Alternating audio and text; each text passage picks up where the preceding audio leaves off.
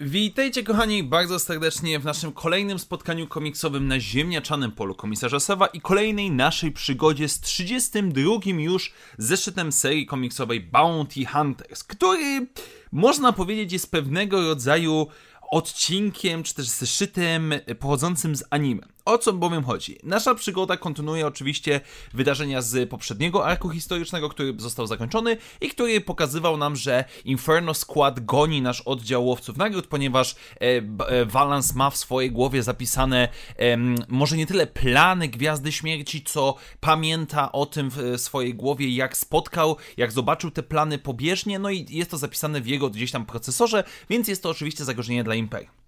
No i kiedy nasza ekipa ucieka przed um, Inferno Squad, dostaje się, czy też powiedzmy wlatuje w pole asteroid, gdzie postanawia manewrować przed to pole, żeby uciec przed swoimi prześladowcami i kluczem do tego jest Zukus. Zukus, który jednak w pewnym momencie traci swoją przytomność, pewnego rodzaju jego umysł odlatuje gdzieś indziej i mamy tak naprawdę pokazaną retrospekcję, czy też origin story, historię Zukusa, ponieważ przez cały zeszyt mamy cofanie się w czasie do planety Gant, gdzie młody Zukus wraz z innymi młodymi ze swojego klanu ma podążać tak zwaną drogą em, Findsmana. Najbardziej, em, powiedzmy, uzdolnieni, najbardziej zdolni, wyczuwający e, otoczenie i można, można powiedzieć moc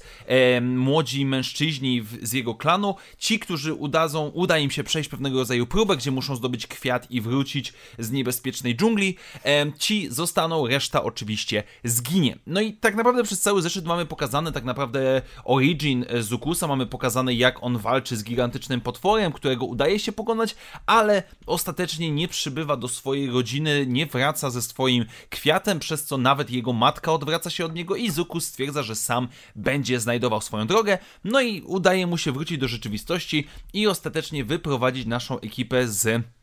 pola asteroid, jednakże statek jest na tyle uszkodzony, że muszą udać się do jedynej pobliskiej bezpiecznej lokacji, gdzie mogą naprawić swój statek, gdzie już czeka na nich, jak widzimy na samym końcu, Inferno Squad. Tak więc um, jest to zeszyt, który, no ja to nazywam takim, nie to, nie filerem, bo, bo to nie jest absolutnie filer, tylko to jest odcinek z anime, który skupia się na jednej postaci, na jej jakiejś tam origin story, na jakiejś jej przeszłości. Oczywiście w anime e, nie byłby to jeden odcinek, wiadomo, ale tego rodzaju właśnie jest to zeszyt, gdzie w dużej części wydarzenia z dzisiejszego czasu są tylko i wyłącznie pretekstem w pewien sposób, żeby pokazać nam e, przeszłość jednego z naszych bohaterów. Również mamy tutaj mini zapowiedź e, piątego zeszytu Hidden Empire, ponieważ w pewnym momencie widzimy, że otworzenie Fermety Cage, którego jeszcze nie widzieliśmy, e,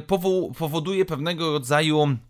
E, ripples in Space, e, czyli powiedzmy jakieś takie wstrząsy, otwiera jakieś dziwne rzeczy e, w kosmosie, które właśnie ogłuszają w jakiś sposób Zukusa, więc no, robi się ciekawie, co to będzie w tym Hidden Empire. Natomiast sam dzisiejszy zeszyt jest solidny. Mimo wszystko, biorąc pod uwagę, jak długo już jesteśmy z tą ekipą, to budowanie jakiejś przeszłości poszczególnych bohaterów jest jak najbardziej w porządku. Trochę przeszkadza mi em, rysunki nowego rysownika Alessandro Miracollo, które generalnie rzecz ujmując nie są złe, za wyjątkiem twarzy. Dosyć często twarze, e, na przykład powiedzmy Della z Inferno Squad, e, czy też niektórych naszych łowców nagród, momentami są po prostu dziwne, czy jakieś takie niedopracowane, brzydkie, minimalistyczne, kreskówkowe, ale jeżeli w momencie, kiedy jesteśmy na planecie Zukusa, czyli na planecie e, Gant, no to jak najbardziej wygląda to przyzwoicie. Generalnie rzecz ujmując, dostajemy ok, w porządku, e, dodatkowy w pewien sposób zeszyt, który rozbudowuje nam trochę lore ogólne e, świata Gwiezdnych Wojen dookoła Zukusu, Zukusa i jego e, rasy,